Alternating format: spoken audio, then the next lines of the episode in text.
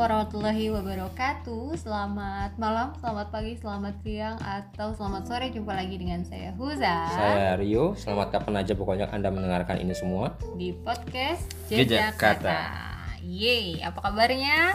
Ah, Saya Alhamdulillah, apa kabar teman-teman semua? Huza gimana kabarnya? Alhamdulillah aku baik meskipun mulai bosan di rumah Iya ya. setelah Bosan nggak kita berdua doang di rumah? Iya bener banget berdua doang Ini masuk ke pekan keempat ya? Pekan keempat Iya, udah masuk bulan berarti. Berarti kan masuk kita masuk ke pekan terakhir menuju ke sebulan eh, setelah eh, corona ini dinyatakan sebagai pandemi.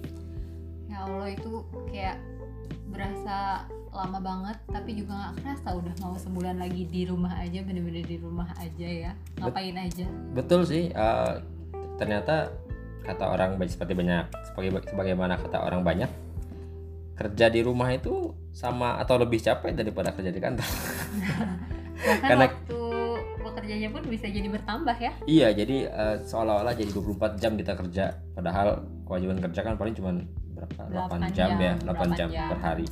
Sama sepekan, ya 6 5 hari sepekan. iya bener banget sekarang Sabtu Minggu juga eh, suka kepikiran kerjaan Tahu nggak bukan hanya kepikiran tapi bahkan kadang-kadang ada panggilan "Eh, tolong ini, tolong itu. Biasalah namanya juga masih iya bener kerja. banget bener banget apalagi kalau misalnya jam kerja udah lewat juga masih aja ada ya namanya kita nggak bertatap muka dengan teman kerja ya Betul. jadi terus terusan koordinasi kayaknya 12 jam ya. Bisa, bisa nyampe 12 jam. Oke, eh, gimana? Se- Setelah liburan ini teman-teman semua ngapain aja biasanya? Kalau Uza ngapain aja? Aku- Harus cerita ke teman-teman kalau saya tahu sebenarnya. aku di rumah alhamdulillah jadi eh, apa ya menambah variasi menu makanan yang pertama Wih, sekali. Saya makin gemuk. terus apa lagi ya menambah apa lagi ya menambah berat badan tentunya Tentu saja, semua orang begitu sepertinya. ya gitulah pokoknya selain ngejar online yang full dari pagi sampai sore terus diselingin sama masak bukan diselingin malah disambi sama masak jadi masak. sekarang tuh kalau masak tangan kanan masak tangan kiri handphone Handphone. Karena kerjaan atau karena kerjaan ya? karena kerjaan Bu guru sambil ngasak sambil eh, ngajar ternyata. bahkan cuci piring pun kadang-kadang Masih. bisa masih online Wow, luar biasa. Ya sebetulnya saya kurang lebih sama ya. Jadi eh, buka komputer tapi saya lebih longgar gitu karena saya juga biasanya kan kerja kalau kerja di di apa tempat saya kerja sekarang itu banyaknya di lapangan ya. Artinya banyaknya proyeknya itu offline gitu. Jadi sekarang kita online banyak tidak terlalu banyak yang harus saya kerjakan jadi jadi memang eh, belum belum padat. Ke depan akan ada proyek-proyek baru tapi ya sebetulnya tidak sepadat biasanya. Ah, yang lain mungkin sambil nonton film ajakin Huza juga sambil baca buku juga lagi lagi baca Pangeran Sang Pangeran dan Jenis Hari Terakhir hadiah ulang tahun dari Huza. Terima kasih Huza. Istri yang sama baik. pengumuman. Eh, sebelumnya juga baca Albert Camus The Fall. Terusnya apa lagi ya? Hmm, nulis sambil nulis juga sedikit-sedikit masih posting-posting di Instagram. Ya itu aja. Satu lagi banyak maunya. Kita gorengin bakso makanya mah Ya, Ya. kan itu menghibur ke ini kebosanan. Jadi salah satu hiburan itu adalah makan. Iya, Sebagaimana sebanyak orang. Oke, ya. Jadi mudah-mudahan meskipun kayak gitu kita tetap bisa produktif Amin, ya. amin. Nah, ngomong-ngomong soal produktif, kita mau cerita nih eh, tentang produktivitas yang dilakukan dalam bentuk aktivitas selama ini. Mungkin bisa kita ceritain ya. Apa tuh? Atau mau cerita soal itu aja, soal karya langsung. Nah, boleh, boleh. Langsung aja ya. Iya, boleh, boleh. Jadi karya ini yang bikin kamu lebih produktif. Oh, ya bisa dibilang tambahan tambahan selain kerjaan di kantor ya karena saya harus tetap memper- apa, mempertahankan kebiasaan menulis ya. Jadi saya tetap nulis di Instagram lewat kadang satu kata satu, satu kata satu puisi. Eh, seminggu terakhir itu pakai eh, saya bikin eksperimen baru dari lewat namanya series ke kata. Itu sebenarnya kalau orang tahu sih sebenarnya bukan hal baru ya. Kalau orang tahu tuh namanya haiku puisi Jepang. Jadi yang pendek-pendek itu tuh. Atau cuma satu bait satu baris gitu. Sebenarnya Nah, gitu. gimana kalau misalnya kita bahas satu puisi haiku itu? Atau puisi yang lain? Bukan bukan. Eh, yang saya pengen cerita bukan puisi yang haiku tapi lebih yang dari satu dari satu kata satu puisi judulnya kopi Oh, oke oke oke Iya. oke. Siap. Judulnya Coffee mau dibacain dulu atau mau silakan dielaborasi dulu sama dulu udah lihat belum puisinya? Iya. Udah dong. udah ya Iya, gimana kalau responnya misalnya gimana ngomongin coffee berarti ngomongin minuman. tentu saja bukan Nggak ya sebenarnya aku jujur ya, jujur. Jujur aku agak bosan dengan tema eh, COVID-19.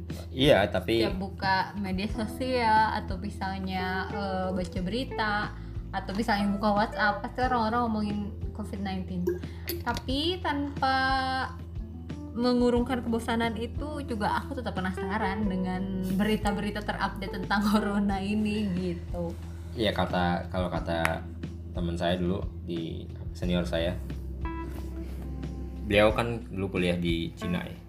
Kata beliau gini, jangan jangan ketika ada sesuatu yang lebih besar dibanding kita itu sedang menggelora atau apa namanya istilahnya mewabah gitu ya seperti sekarang COVID-19 gitu, COVID-19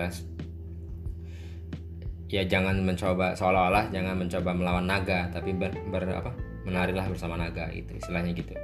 Ini sangat sangat Cina banget soal pepatah Cina gitu ya. Tapi saya pikir betul juga kalau sekarang itu ya jangan ignore sama sekali sama COVID walaupun seba- seberapa bosannya kita sama COVID-19 gitu COVID-19 Eh, tapi ya kita harus menari dengan dengan naga dengan dengan COVID itu. Bagaimana kita tetap berpandangan optimis eh, berpikiran positif membuat sesuatu yang eh, berguna gitu ya sesuatu yang menginspirasi tetap membuat apa apa yang kita kerjakan dengan baik apa yang biasa kita kerjakan dengan baik apa yang selama ini kita tinggalkan selama waktu kosong tidak bisa kita kerjakan. Sekarang kan ada waktu kosongnya nih dengan work, from home dengan belajar dari rumah gitu ya. Pasti kan ada waktu-waktu yang jeda. Kalau dulu kan harus mandi berangkat bangun tidur mandi terus siap-siap baju segala macam pakaian apa uh, buku-buku segala macam kalau kalau kuliah ya artinya kan ada waktu yang disiapkan untuk itu. Tapi kan sekarang nggak ada. Sekarang bangun tidur bisa langsung kerja belum mandi. Iya betul. Uh, istilahnya gitu. Kalau video conference atasnya kerudungan, bawahnya dasteran. iya. Bahkan kita juga kalau video conference atasnya pakai kemeja atau baju yang agak pantas bawahnya masih pakai celana Iya. tidur celana rumah. Iya, lipstick, bedak on stage, tapi sebetulnya belum mandi. betul sekali. Jadi ya menurut saya tetap aja kalau kalau kalau saya pribadi membuat karya tentang eh, coronavirus penyakit coronavirus 19 ini ya nggak apa-apa lah Eh, karena saya sedang seolah-olah menari bersama naga gitu Oke baik, mau menari bersama naga, ini dia eh, menarinya lewat kata. ya. Nah sebetulnya kopi ini kan inspirasinya berarti dari satu orang yang ngasih satu kata ya, betul terus dijadikan satu puisi. betul Nah boleh tahu nggak orangnya siapa yang nulis kata kopi Eh, ini? sebelum sebelum ke orangnya siapa saya mau cerita dulu jadi satu kali satu puisi ini sebuah program cuilah program eksperimen saya dalam berpuisi. Sebetulnya satu keresahan saya satu satu puisi itu adalah satu ben- satu untuk ekspresi saya. Melihat orang-orang memproduksi puisi atau kreator-kreator itu membuat puisi atau sajak ya cenderung temanya itu, saja gitu. Kalau nggak tentang eh, romansa anak muda gitu ya tentang taruh tentang galau tentang jatuh hati tentang patah hati tentang selingkuhin tentang menyelingkuhi tentang ah cuma berkaitan sama hal-hal itu saja yang berkaitan dengan romansa saja. Padahal kan sebetulnya puisi itu sangat sangat agung dia sangat besar sangat juga banyak aspek yang bisa kita ungkap lewat puisi sebetulnya gitu. Nah, saya sedang mau mencoba mengajak orang-orang untuk kembalikan mengembalikan puisi itu. Walaupun mungkin akan akan terlalu saya juga sedang masih belajar terus bagaimana caranya orang bisa menerima puisi sebagaimana puisi itu eh, orang-orang apa penyair-penyair lama mem- memproduksinya membuatnya Ta- tapi juga tidak ketinggalan zaman dan tidak tetap relate lah kalau bahasa anak sekarang tuh dengan zaman sekarang gitu.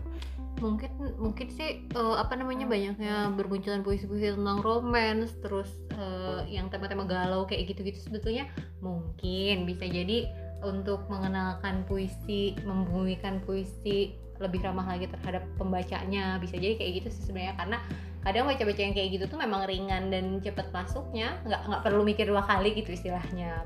Kalau misalnya kita bandingin sama puisi-puisi klasik zaman dulu tuh kan jauh banget sebenarnya ya. Eh, dari jangankan dari makna dari tata bahasanya aja udah diksinya aja udah jauh banget gitu. Beda sama kayak puisi-puisi kontemporer zaman sekarang. Apalagi tema-tema romance galau eh, dan gitu-gitu pokoknya lebih mudah dimengerti dan lebih mudah jelek gitu kayaknya itu sih makanya mulai bermunculan Iya dan kata kalau kata Ahmad Tohari kan di jalan cinta semua orang jadi jadi penyair atau jadi seniman gitu ya.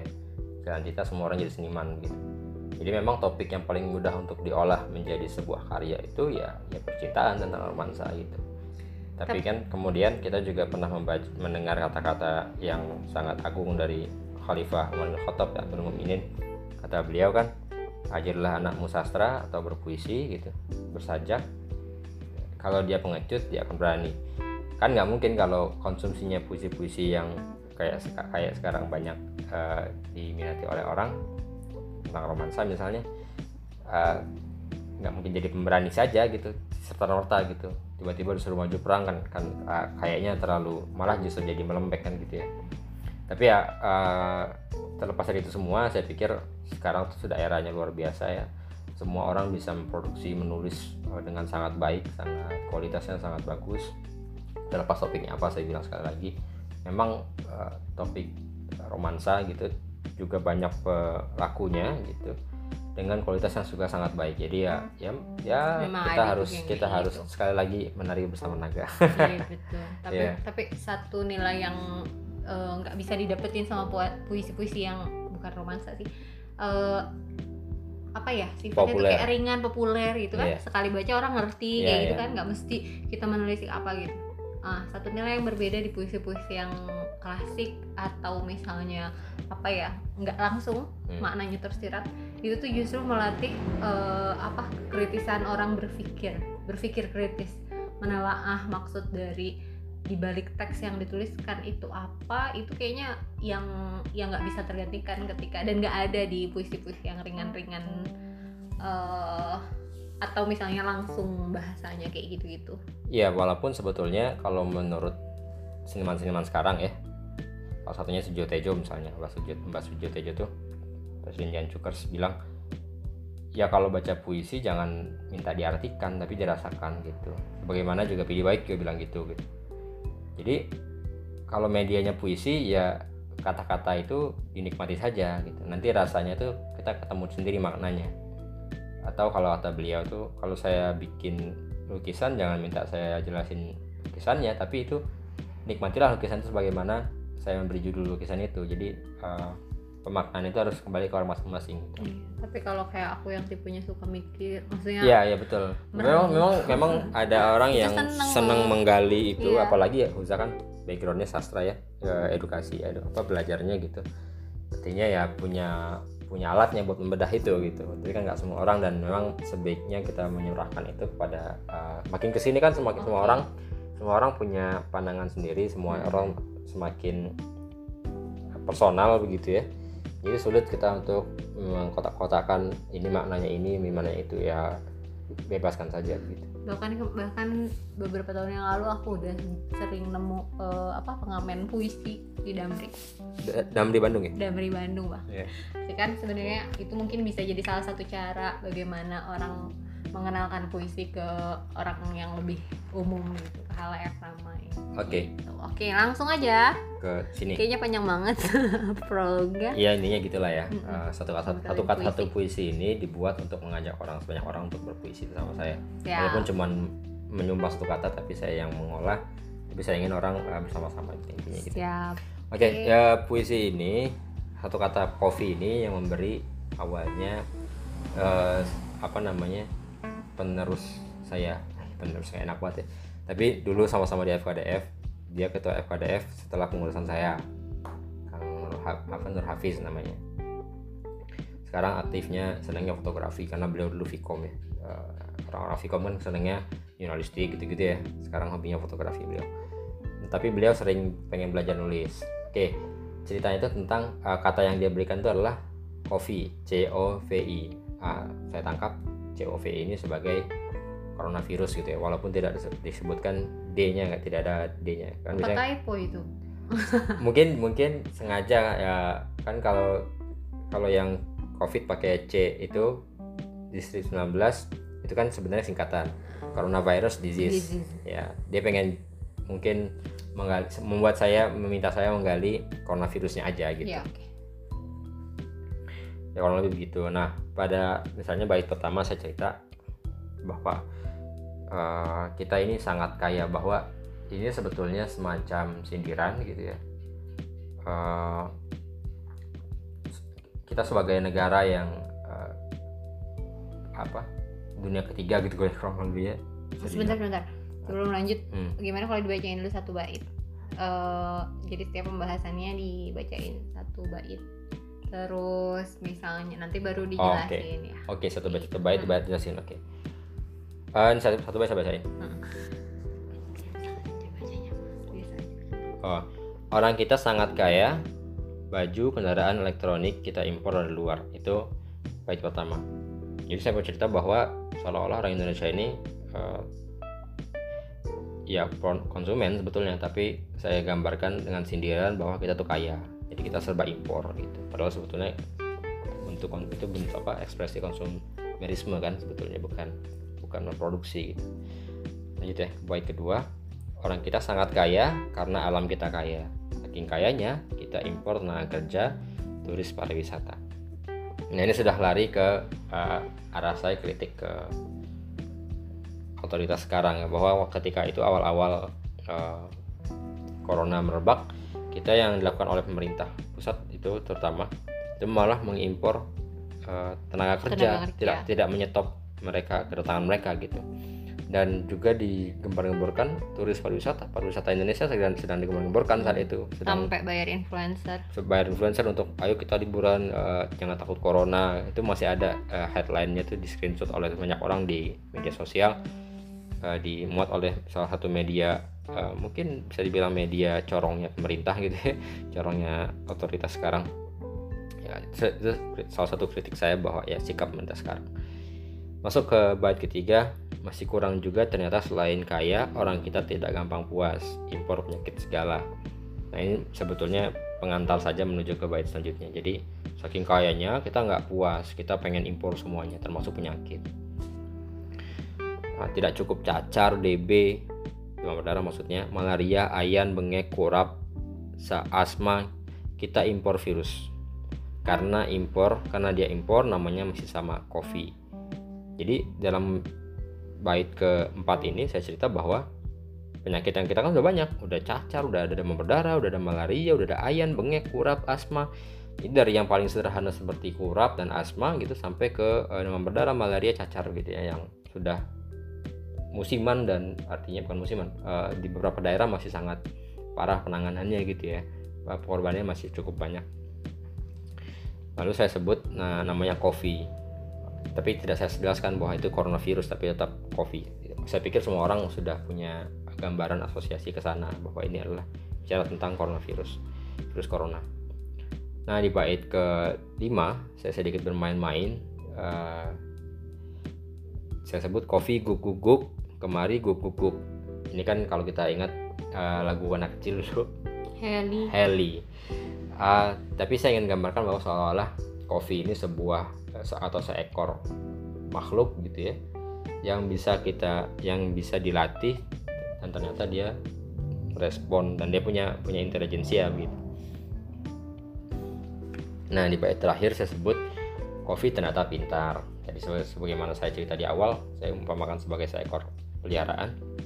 Kopi ternyata pintar, bisa bikin orang lebih takut Tuhan daripada mati dibenci Tuhan. Nah ini saya mulai lari ke kritik sosial kita semua bahwa banyak orang yang kurang kurang lebih masih seminggu dua minggu yang lalu masih ada yang salah satunya ya masjid di Bandung ini di, di apa adalah masjid yang ditutup itu ada di Bandung ini itu masjid Pusdai kok kata-katanya ribet ya jadi salah satu kebijakan ditutup. pemerintah eh, dari MUI ada masjid-masjid yang tutup. Mm-mm. Nah, salah satu yang tutup itu di Pusdai di Bandung. Nah, di Bandung terutamanya hari Jumat masih suka ada yang uh, meng apa ya bahasanya menggerebek bukan menggerebek uh, ya mau dibuka lah minta dibuka lah gitu di mendemo gitu uh, saya pikir ini uh, entah apa yang melatar belakangi pemikiran mereka gitu.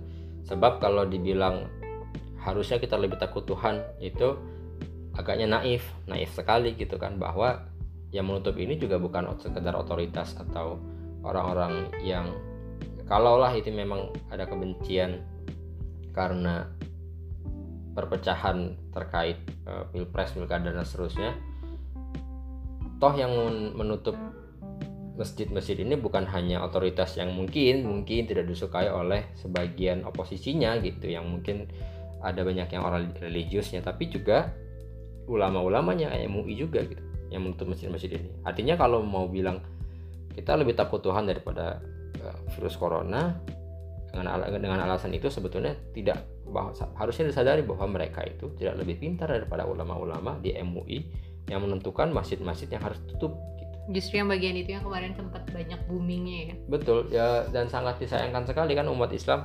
Sok-sokan pengen kita lebih takut Tuhan daripada virus corona nanti kita.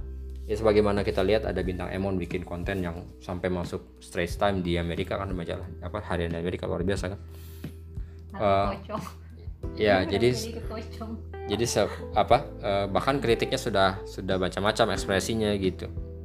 Ya saya gambarkan bahwa ini orang-orang pintar sekali. Pintar sekali. Seolah-olah merasa pintar begitu. Padahal dibodoh-bodohi sama sama covid gitu ya. Sama di, jadi yang pintar tuh covid. Orang-orang tuh kalah pintar gitu. Ternyata pintar sekali. Bisa bikin orang lebih takut Tuhan daripada tak daripada mati dibenci Tuhan. Karena kan kita melakukan yang di luar eh, apa, anggaran apa? Anjuran ulama berarti kita tidak terlalu pintar kan? Iya iya. Iya. Uh, apa ya? Ini sih aku sih menarik ya cukup sangat-sangat menarik uh, puisinya tentang kopi dan cukup dimengerti juga di beberapa bait awal kan. Sebetulnya bentuknya kritik ke pemerintah ya. Memang itu kayak mengulang memori kita meskipun aku udah agak-agak apa ya bukan putus asa sih sama pemerintah tapi ya kesalnya dari awal gitu sampai sekarang. Ketika misalnya undang turis pariwisata dan lain-lain ini mungkin udah jadi banyak bahasan banyak orang ya. Gimana Indonesia saat uh, negara lain sudah mulai ada virus corona tapi Indonesia masih satu-satu aja gitu. Mau dijadiin bahan bercandaan. Yang yang aku sayangkan itu adalah ketika pemerintah tidak mengambil tidak menggunakan kekuasaannya untuk mempersiapkan itu semua gitu untuk mempersiapkan kita menghadapi covid ini gitu. Malah bagaimana menanggulangi uh, perekonomian Indonesia yang semakin menurun yang semakin anjlok itu yang seolah-olah jadi fokus pemerintah yang terlihat oleh masyarakat ya. Meskipun di belakang mereka bilangnya mereka uh, apa pekerjanya senyap-senyap katanya. Tapi kan ya Allah alam berusaha positive thinking tetap sama pemerintah. Tapi ya kecewa sih kecewa. Seharusnya dari awal ketika misalnya Indonesia ibaratnya aman gitu saat-saat negara lain udah pada mulai kena tapi uh, momen itu justru tidak dijadikan kesempatan buat kita semua mempersiapkan diri gitu. Pada akhirnya masyarakat yang mempersiapkan diri ya nyiapin diri yang enggak yang enggak gitu. Karena memang tidak ada edukasi edukasi edukasi dari pemerintah yang langsung itu yang sangat disayangkan. Jadi aku sih ngerasain ini uh, kritiknya cukup keras banget di bait-bait awal ke pemerintah. Kekesalan dan kekecewaannya terasa pun aku juga merasakan hal itu gitu. Sayang banget gitu momennya saat orang lain udah kena kita belum. Harusnya justru pemerintah mengedukasi masyarakat untuk siap-siap gitu. Itu sih karena pintu gerbangnya tuh gede banget ke Indonesia. Kita tahu lah ya seberapa banyak penduduk Cina di negeri kita. Ya dan uh, tapi Huza harus tahan-tahan dikit lah. Yes, iya, karena kalau menurut saya sih sebaik-baik kritik saya juga sering kelepasan apalagi di Twitter ya ngelihat sekarang tuh kalau mau stres mau pusing mau punya pikiran negatif gitu gampang buka medsos. Semuanya isinya kritikan terhadap pemerintah sekarang gitu pemerintah pusat terutama ya. Kalau pemerintah daerah cenderung baik gitu Jawa Barat udah baik Jawa apa apa apalagi DKI terus atau daerah-daerah lain juga Solo mana lagi yang bagus kemarin tuh? Surabaya cukup cukup tanggap gitu. Artinya sebagaimana bagaimana sebagus mungkin sebagai apa sebisa mungkin kita harus merespon ini semua dengan ekspresi yang uh, manis gitu ekspresi yang uh, ya kita harus kreatif gitu. Jadi jang, jangan sampai hanya kekesalan dan ke kemarahan saja tapi tidak menghasilkan apa-apa. Kita harus membuat orang lebih luas uh, mengajak orang lebih luas bahwa ekspresinya yang lebih santun gitu ya. lebih bukan lebih santun saja tapi lebih bermartabat lah lebih hmm. gitu. Sebagai sebagaimana kita orang Melayu gitu orang bahasa Melayu darahnya darah Melayu kita pikir saya pikir berekspresi dengan sajak itu baik juga iya. gitu. Iya kan? Uh, apa namanya? Ekspresi kekecewaan kekesalan kemarahan atau bahkan bahagia di sajak itu ya.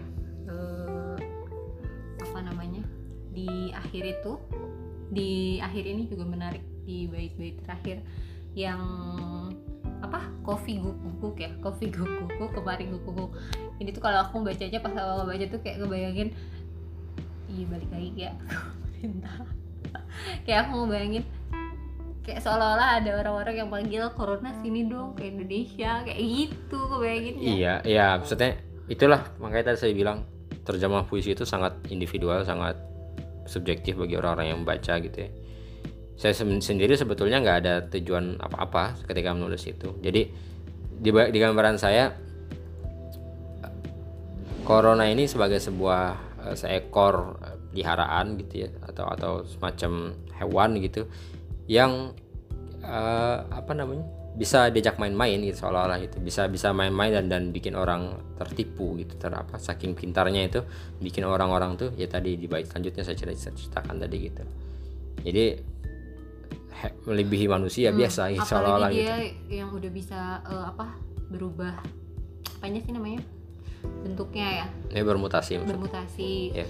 dari yang awalnya cuma di nggak bisa di benda mati hmm. terus pada akhirnya bisa bertahan beberapa jam di benda mati Tapi, terus akhirnya airborne meskipun banyak juga sih sebenarnya uh, macam-macam persepsi orang terus penelitian orang beda-beda juga tentang iya.